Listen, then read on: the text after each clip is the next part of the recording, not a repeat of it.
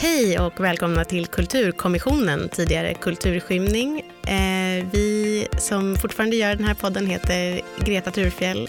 Hanna Fahl. Och Kristoffer Ahlström. Idag så ska vi prata om filmen Gräns. Mm, jag ser mycket fram emot en eh, teknisk och detaljerad analys av eh, trollsexet i denna film. Och jag vill ta upp en sak som har gjort mig otroligt förbannad och som jag har fått noll gehör för när jag försökt ta upp det med andra som har sett filmen. Så till den gräns att jag hörde av mig till författaren John Ajvide Lindqvist för att få ett slutgiltigt svar på den här frågan. Själv vill jag bara säga att vi kommer att spoila hela filmen genom vildsint. Så att om ni vill se filmen så gör det först och återkom med lyssnandet efteråt. För vi vill inte ha några sura mejl från er. Välkomna till Kulturkommissionen.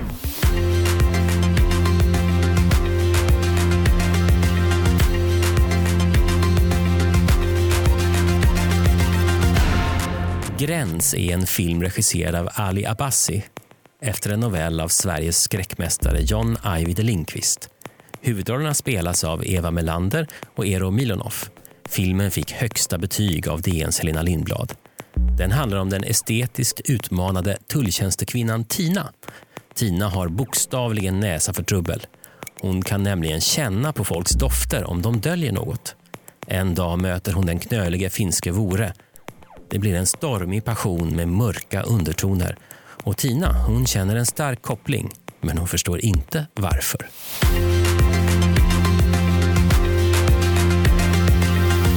Eftersom jag känner er två väl så skulle jag vilja att vi började med det som är mest eh, trängande i, i sammanhanget, nämligen eh, trollsexet. Det tycker jag var en korrekt prioritering. Tack, tack, tack, tack, tack.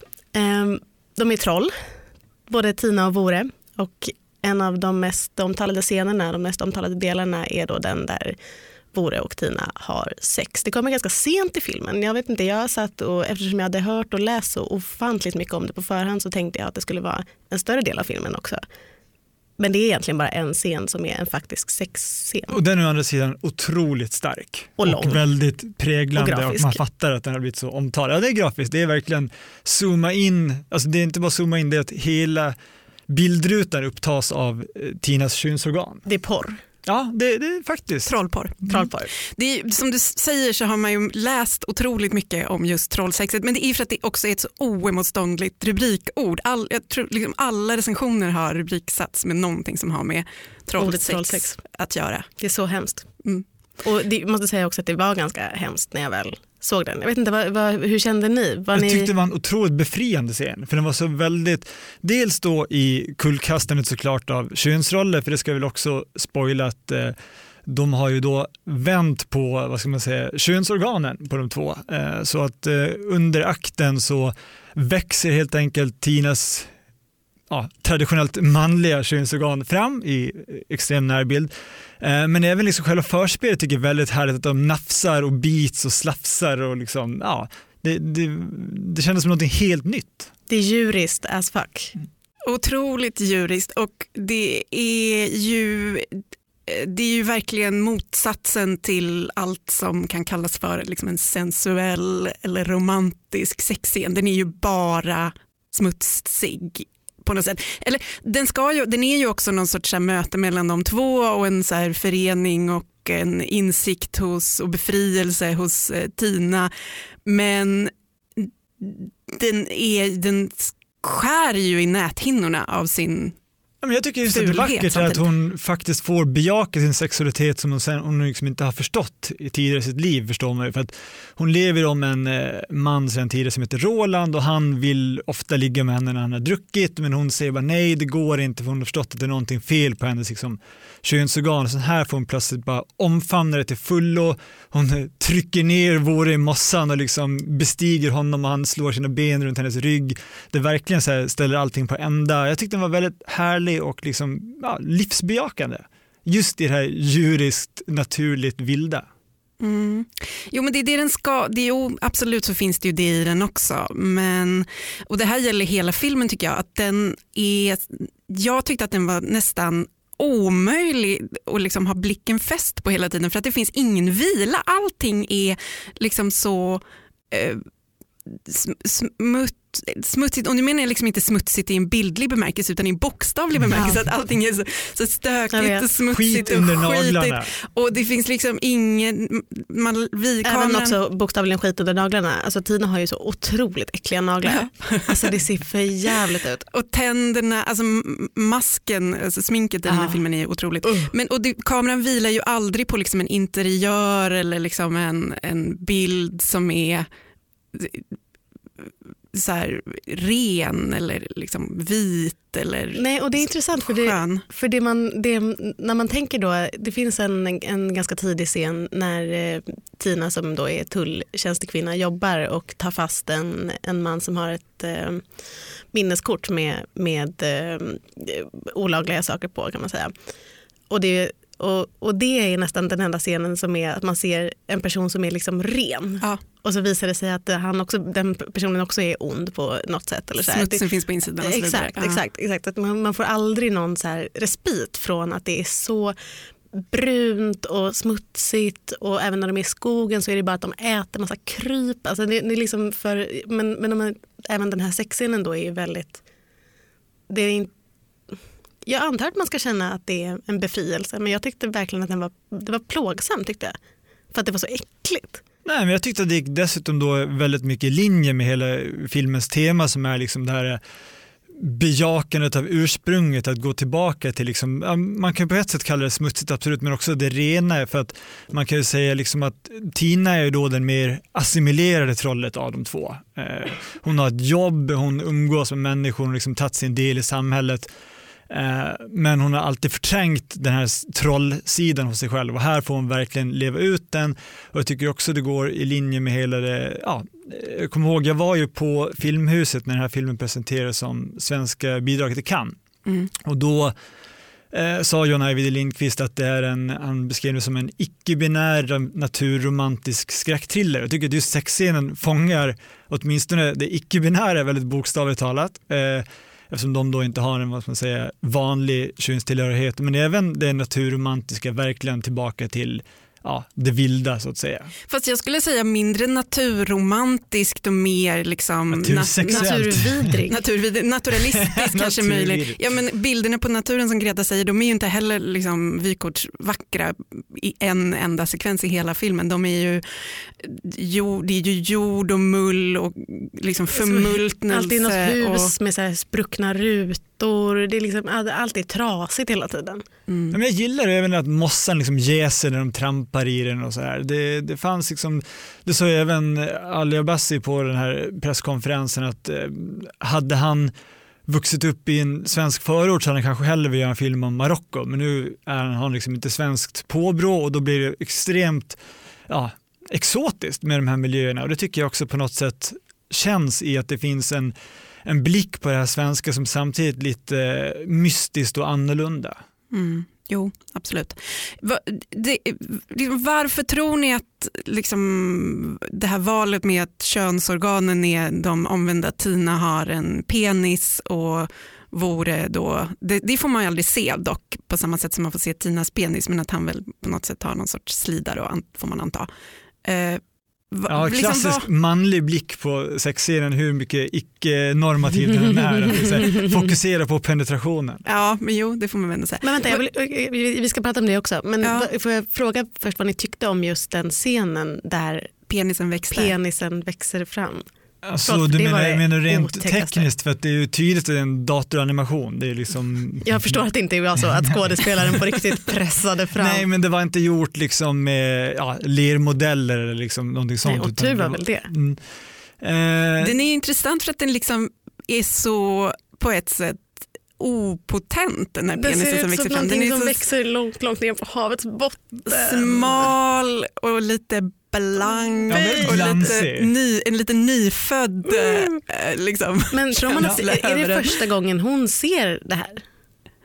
Jag den förstod, dyker bara upp förstod. i närheten av ett annat troll. Det är så man ska tolka det. Ja, hon kanske blir sexuellt upphetsad. För första gången. Ja, på ja, riktigt. Och att den då på något sätt tränger Det verkar väldigt fram. smärtsamt också när den tränger fram. Men jag tänkte på eh, hur katters penisar ser ut. De är väldigt långsmala och har även de här liksom vassa hullingarna som gör att de verkligen liksom ska sitta fast när det väl är så att honan inte kan fly iväg när akten väl är igång. Liksom. Även valpenisar ser ut så, de är liksom väldigt långa, de ser ut som spjut snarare. Vilka kunskaper du sitter på. Ja, jag var på Naturhistoriska så var det en utställning om eh, queer-liv i naturriket. Så jag blev väldigt fascinerad av valpenisen, hur den såg ut. Men den såg ut ganska mycket som trollpenisar. Ja, men det är ett intressant val och jag menar, men det var lite det jag ville komma till också. Så här, att vad gör den här liksom om, omvända dynamiken med själva sexet tycker ni? Är det liksom... På sätt och vis så är det förstås att man får se en annan sida av Vore då, som har varit den liksom dominanta parten av de två. Varit den som liksom Mycket tryggare i sin henne, trollroll. dyker upp henne, verkligen tryggare i, i trollrollen men, men också mer aggressivt lagd mot, gentemot Tina och den som är liksom hela tiden manar på eller trycker på. Så att det kanske är, han, jag ville säga att han skulle liksom bli mänskligare men jag menar att han skulle bli trolligare. Ja, men jag tänker också en koppling till djurvärlden. Det finns vissa djur som kan liksom till och med byta kön inför akten. Det, det finns ju även de här mer aggressiva honorna som är bönsyrsan där liksom honan biter huvudet av hanen efteråt eller svarta änkan där liksom, ja, även mm. där honan är liksom den aggressivare parten i, i samlagsakten. Så jag tänkte att det kunde ha mycket med det att göra. Mm. Jo men det är ju någonting i, det, i den scenen där liksom maktförhållandet mellan dem kanske inte skiftar alls skulle jag inte säga men ändå nyanseras på något vis. Men vad tror ni, kommer, trollse, kommer det här att breaka trollsexet? Kommer vi få se mer trollsex? Skulle man kunna få se bara det här klippet på Pornhub? det finns ju, nu ska jag då avslöja min egen eh, Pornhub-erfarenhet, men det finns ju pterodaktylsex, alltså flygödlor och dinosaurier som ja, har sex på Pornhub. Det är klart att det redan finns trollsex på Pornhub. Jag har inte Om gjort någon research, men det, självklart finns det det. Eller varför det måste inte troll? Finnas. Ja, det måste finnas. Om dinosaurier, varför inte troll?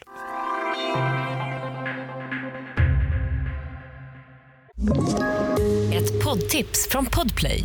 I fallen jag aldrig glömmer djupdyker Hasse Aro i arbetet bakom några av Sveriges mest uppseendeväckande brottsutredningar. Går vi in med hemlig telefonavlyssning och, och då upplever vi att vi får en total förändring av hans beteende. Vad är det som händer nu? Vem är det som läcker? Och så säger han att jag är kriminell, jag har varit kriminell i hela mitt liv men att mörda ett barn, där går min gräns. Nya säsongen av Fallen jag aldrig glömmer på Podplay. Vore arbetar ju för eh, trollens befrielsefront, om man kan kalla den så. Han eh, visar sig så småningom kidnappa människobarn och sälja dem till en eh, pedofilring. Ja, det är mer antimänsklig aktion snarare än trollens rätt i samhället. Ska jag säga. Ja, både, det är både militant. Absolut, det är en militant trollgruppering som består av honom själv egentligen. Då. Ja, man förstår att det finns väldigt få troll kvar. Han hänvisar vid något tillfälle till någon liksom, liten trollcommunity i Finland. Men själv har han då någon sorts dröm om att trollen ska ja, återbefolka jorden. Ja, precis, bli fler och återbefolka jorden. Typ. Och han vill börja då med Tina. Han säger ju till henne, förvisso ganska sent i filmen, att, att eh, vi kan bli fler. Det finns fortfarande tid för oss att, göra fler troll bygga upp troll-communityt igen, så som det en gång var. Vad, eh, hur ska man liksom tolka hans eh, aktivism? Finns det någon, finns det, finns det någon förståelse, förståelse för den när, när ni såg filmen? Kände ni alltså, det, relate? Ja, nej inte så mycket relate men det etableras tydligt att han hatar ju mänskligheten eh, för att den är våldsam och förtryckande och pervers och det finns väl någonting i liksom extremisters syn på civilisationen i det där. I att eh, det, det orena medan han står för en helt annan form av ja, samhälle.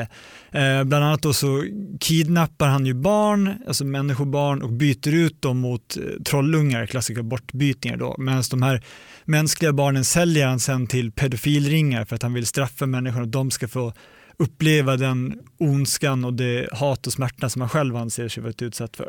Mm. Alltså, den, den, här filmen, den, det finns ju många, otroligt många spår, många liksom, mycket symbolik som anas men aldrig riktigt, känner jag, kanske utforskas på djupet. Man kan se här, men det finns ju dels den här bakgrundshistorien att eh, människorna har eh, tagit trollen, spärrat in dem, utfört medicinska experiment på dem, förtryckt dem, tagit deras barn, liksom då som Tina ska bli tagen från sina trollföräldrar när hon var liten mm. på ett sjukhus. Och här finns ju någon sorts um, någon sorts då parallell till kanske ursprungsbefolkningar eller kolonialism mm. eller, eller den där typen av, av historia. Ser... Internationell adoption också. Ju. Absolut ja. internationell adoption och det ja, men det är många liksom saker som kastas upp i luften här.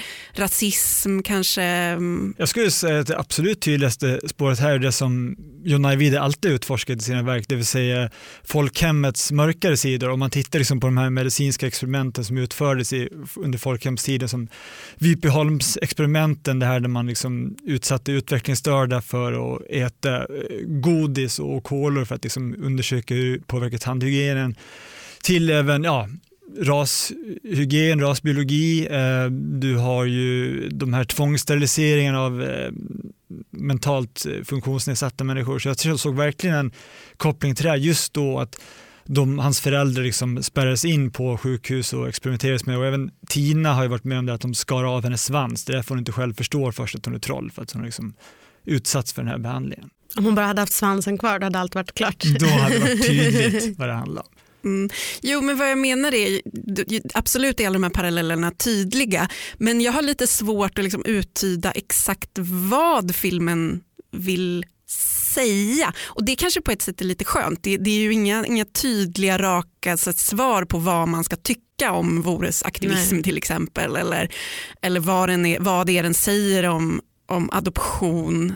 För att man har ju samtidigt stor sympati för Tinas pappa, då, adoptivpappa i filmen och förstår hans bevekelsegrunder också. Den, den kastar upp mycket men det, det är inga liksom, moralkakor i den tycker jag. Nej, man sätt. blir verkligen inte skriven på näsan. Nej, det blir man inte. Det jag skulle säga är eh, om man ska prata om hennes resa och liksom vad, vad filmen vill säga så ändå, och om man då ska tolka det som att det ändå blir ett lyckligt slut för henne eller att hon liksom utvecklas som karaktär. Som troll? Ja, precis. Hon förtrollas ju då om man ska, om man ska säga så. Att liksom, hon lämnar ju, för hon har ju som sagt då tidigare varit väldigt assimilerad i människosamhället och haft jobb och umgås med människor. Men sen ju, mer, ju längre filmen lider desto mer trolllik blir hon. Hon slår liksom sönder sitt hus, hon lever ute i jorden och äter insekter. Börjar morra. Ja, precis. Och liksom, så det känns som att, så här, att jag vet inte om det är ett budskap men det blir ändå ett tema i det att, att assimilera sig också, att ge upp någon del av sig själv men sen när hon liksom tar tillbaka sin trollskhet eh, så har hon ändå liksom genomgått en förvandling som man ska tolka som bra.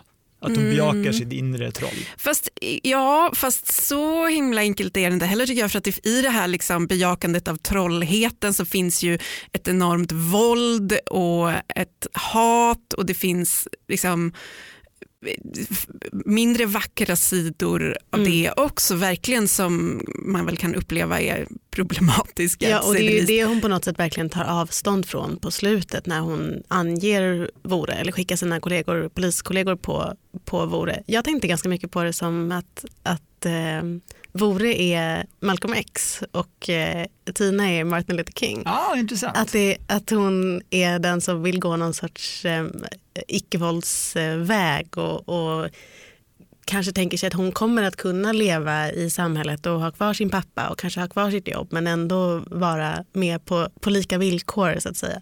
Medan Vore snarare driver någon sorts eh, vad ska man säga, kampanj emot människan. Mm. För det tycker jag också är intressant med Våres karaktär att eh, ja, han är tydligt utstött och liksom hatisk och han ser motbjudande ut. Det brukar man alltid vara så i de här filmerna att ja, men i slutändan så kommer även han till en insikt om, om att liksom, ja, alltings godhet eller någonting. Men här är det verkligen så här, den som ser motbjudande ut utför även motbjudande handlingar och får aldrig någon riktig katarsis på slutet. Utan han är precis så ond som han ser ut. Men tycker du att han ser mer motbjudande ut än vad hon gör? Nej, men just det eftersom det är han som presenterar den trollvärlden för henne och ja, för tittaren. Liksom, så tänker man att det ändå ska förmin- finnas förmildrande omständigheter men istället så bara är han precis så ond som han ser ut. Är inte den förmildrande omständigheten då att han skänker henne deras barn? Att ja, barnet ska få växa upp med Nu var med det henne. verkligen absoluta slutscenen du berättade här men ja precis det är vad som händer. Att han, Vi får berätta alla scener. Precis, den här sexakten som vi tidigare var inne på slutar med att han befruktar henne. Tvärtom, Tvärtom hon befruktar, hon befruktar honom, honom. Precis. Och då skickar han eh, bebisen med bud i en stor låda till hennes dörr. en kylbox mm. med stora spännen. Ett hårigt litet barn. Där det ligger ett ludet, ludet, litet trollbarn med svansobs. Ehm, eh, jag noterade att hon, när hon får veta sitt ursprungliga trollnamn så är det Reva och jag började tänka, undrar om det är det måste vara. Att det är en blinkning till ja, men alltså, projekt Reva, Migrationsverket och polisens eh, Rasprofilering. Ut, Får jag säga då att det är en väldigt bra spaning men faktum är att novellen där jag vill minnas att eh, även att Reva förekommer är, är från 2006 och Reva iscensattes inte förrän 2009. Det var synd för det var annars en bra spaning. Det är en väldigt bra spaning av dig och eh, man önskar nästan att det vore så. Mm. Men det var Jonna Widlingqvist som var först. Kanske var det han som gav namn åt Reva. nu ska vi tala om någonting som har varit ett hett debattämne på DNs kulturredaktion senaste veckan, nämligen, eh, hur ska man säga, bristen på en viss slutscen. Kristoffer har, har eh, vandrat runt på redaktionen och försökt få gehör för sin lite ska man säga, småaktiga syn på ett visst plot hole i filmen. Kristoffer, vill du berätta ja, det, vad det handlar om? Jag vet, det är väldigt småaktigt av mig att förakta pedofili. Det var väldigt trångsynt av mig. Men så här, eh, vi tar det från början. Det finns då ett, ett grannpar i den här byn, eller liksom i utkanten av samhället där eh, Tina bor och man får tydligt eh, en stark koppling till dem för de, Tina skjutsar dem till BB, hjälper dem att förlösa sitt barn hon är även där och besöker bebisen sen och eh, då eh, är Vore med henne och Vore blir då väldigt intresserad av barnet och man förstår ju att gud det här är inte bra att han får syn på att det finns ett människobarn i närheten, han som jobbar med att kidnappa barn och sälja dem till pedofiler. Eh, och det även skildras tidigare i filmen väldigt grafiskt vad som händer med barnet som fastnar i pedofilningen. Man får lyssna på ljudupptagningar, liksom vuxna män förgriper sig på ett spädbarn. Det är extremt grafiskt obehagligt.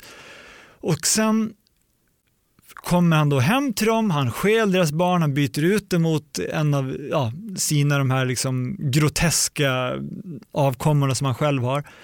Men Ingenstans i filmen sen får man någon förlösande slutkläm där det visar sig att det gick bra för grannparets barn. Tvärtom så får man bara förutsätta och antar jag att det såldes en pedofilning och utnyttjades och blev helt förstört resten av livet. Ja, men att ingen sett, jag har pratat jag med har reagerat på det här. att vi har sett samma film. Det är så sjukt att du gör det här till en så stor händelse. Det För det första så är det inte sant att hon hjälper till att förlösa barnet. Hon kör barnet till BB så att det kan bli förlöst och de hon har ingen bil. Hon kör dem till BB, absolut det är en scen på två och en halv minut ungefär. Och sen är det slut och sen så är det inte så mycket mer med barnet förutom den här scenen då där, där Vore ser barnet och sen förmodar man har tagit barnet. Mm. Men ja, förutom namn... att man är hemma hos familjen, de är helt upprivna, de gråter, de förstår inte vad som har hänt, mamma var borta en minut och plötsligt så ligger någonting annat där. Jo men Kristoffer, är inte det hela poängen att man ska förmoda att barnet har blivit, andas Greta, att barnet har blivit taget av en pedofilring? Det är ju hela poängen. Att ja. man ska förmoda det och inte få någon så här men barnet kom ändå till rätta och sen levde de lyckliga alla sina dagar. Det hade ju förstört hela och, filmen. Det hade förstört att, det, att det inte var så här, Tina fick båda barnen sen på slutet och så växte de upp sida vid sida. Och troll och människa. Det hade ju varit otroligt, nu gick man därifrån med en så här nattsvart känsla och liksom en extremt besk eftersmak. Så jag ska ja, men... säga så här, jag pratade med typ fyra, fem personer som sett filmen, ingen har reagerat på det här.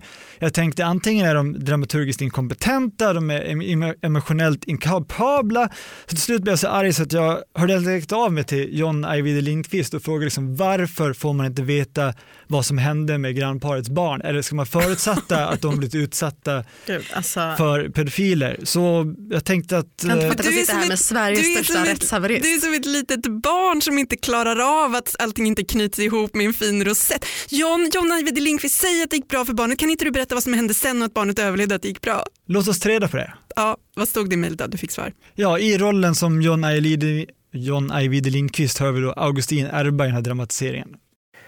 Jag kan hålla med om att det blir en tyngdpunktsförskjutning när pedofilspåret upptar ett mer konkret utrymme. I novellen Säljer vore bara barnen outsagt till vem. Jag har inte skrivit de delar av manuset som berör pedofilspåret och alltså har jag svårt att svara exakt. Men inte heller i novellen får man veta vad som hände med grannbarnet. Det viktiga är att det får Tina att ta avstånd från Vore eftersom hon tycker att det är en avskyvärd verksamhet och i filmen blir förskjutandet än starkare eftersom hon vet vad som händer med barnen. Jag tror inte att dina kompisar är vare sig känslokalla eller ouppmärksamma. Jag kan hålla med om att det är tveksamt som dramatiskt verkningsmedel, men nu är de en gång troll och vi håller oss i stort sett i deras perspektiv där säljandet av människobarn inte är en större grej än, säg, att slakta lamm. Ja, Ajvide Lindqvist gav oss rätt Kan inte fatta att du hängde ut oss och alla dina andra kollegor och ja, vänner. Det var inte med namn om det är så jävla viktigt för er. Men... men i slutändan tycker jag att det var bra för att det bevisar att vi hade rätt och du hade fel. Ju. John var på, på vår sida. Han är verkligen på vår sida. Stort tack till John Ajvide Lindqvist för det där, alltså jag kan inte fatta att du, att du hängde upp dig så mycket för det där. För jag, titt, när, när, jag kan inte fatta att ni bara struntar i det. När jag väl såg filmen så tänkte jag ju förstås på det. Nu ska jag se om det här Kristoffer-spåret gör mig lika irriterad som det uppenbarligen gjorde Kristoffer. Sket fullständigt i det. Du sket fullständigt vad som hände stackars lilla människobarnet. Det är ju inte ett riktigt barn Kristoffer, det har inte hänt på riktigt. Nej men du blev ändå påverkad av en film, det är ett verk, du kände väl någonting?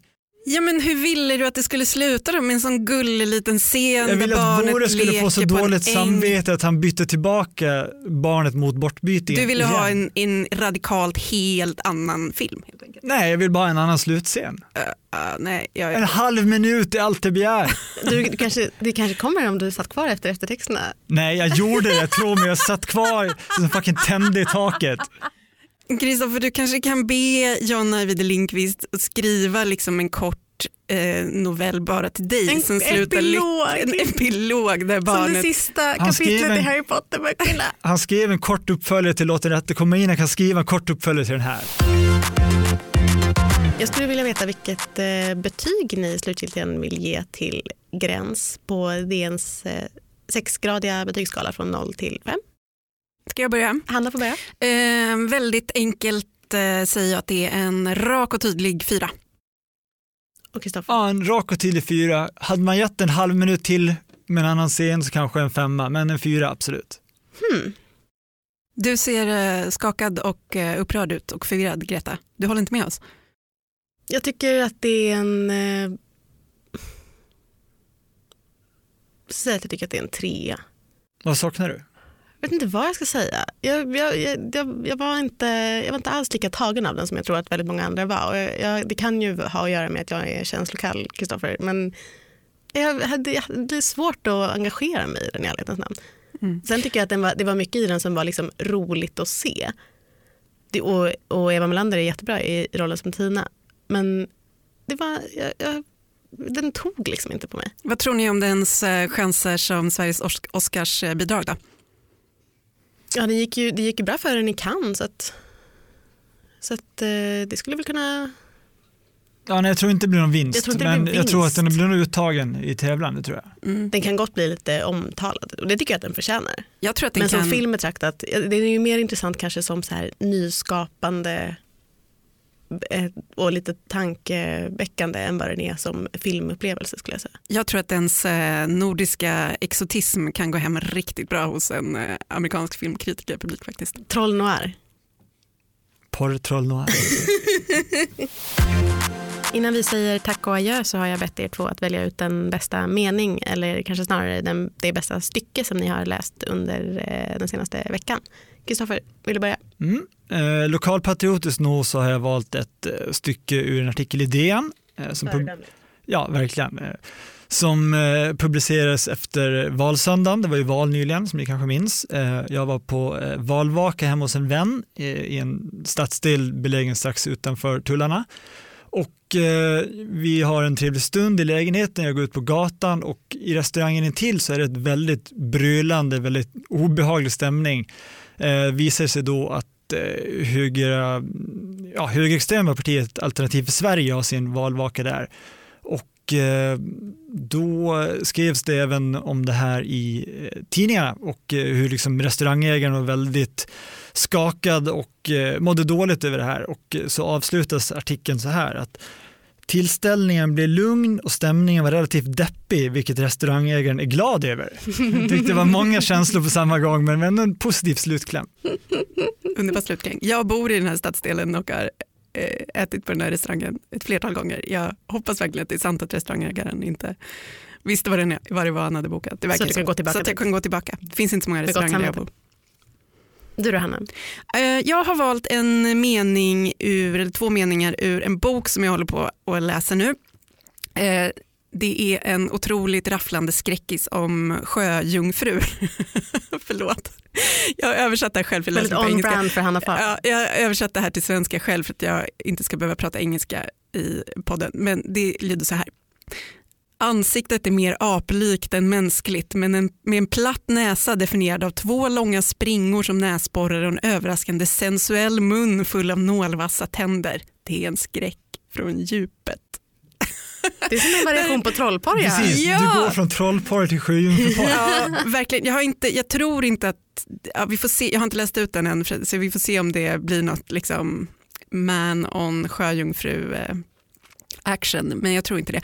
Men eh, det här är eh, Into the Drowning Deep heter den av Myra Grant och hon är en av mina eh, favoritförfattare i genren otroligt fånig premiss väldigt bra utförande. Hon har också skrivit en hel trilogi som handlar om typ genmodifierade binnikemaskar som är jättebra. Jag förstår verkligen Och- att du aldrig har tagit upp det här med mig. Ja, När jag tänker på mitt eget ansiktsuttryck just nu. hon har också skrivit en annan trilogi som är typ en zombie historia eh, i typ eh, bloggar slash poddar miljö som också är jättebra som heter Newsflash-trilogin. Jösses. Ja, jag har valt en liten annan väg i livet och eh, har valt en mening ur eh, Tova Gerges Pojken som kom ut eh, i senaste veckorna. Det är ett väldigt tydligt sexpositivt spår i podden idag märker jag. Det får man säga. Det är en roman som handlar om eh, en eh, berättad ur en persons perspektiv som möter en eh, yngre pojke på universitetet och inleder en eh, relation med honom. Och eh, meningen som jag har valt är denna.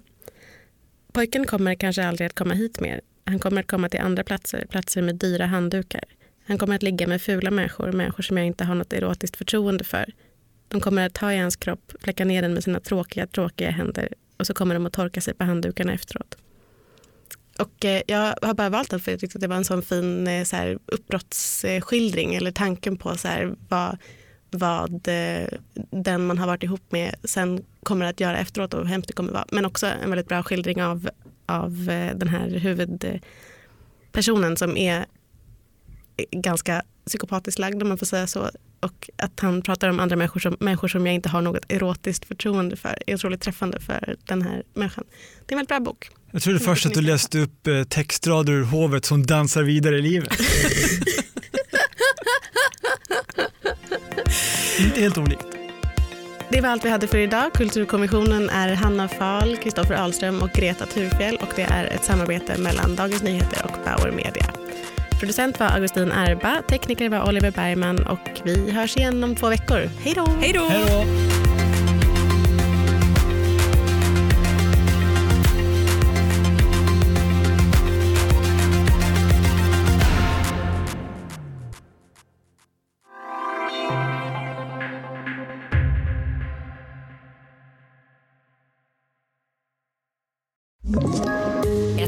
Poddtips från Podplay. I fallen jag aldrig glömmer djupdyker Hasse Aro i arbetet bakom några av Sveriges mest uppseendeväckande brottsutredningar. Går vi in med hemlig telefonavlyssning och, och då upplever vi att vi får en total förändring av hans beteende. Vad är det som händer nu? Vem är det som läcker? Och så säger han att jag är kriminell, jag har varit kriminell i hela mitt liv men att mörda ett barn, där går min gräns. Nya säsongen av Fallen jag aldrig glömmer på Podplay.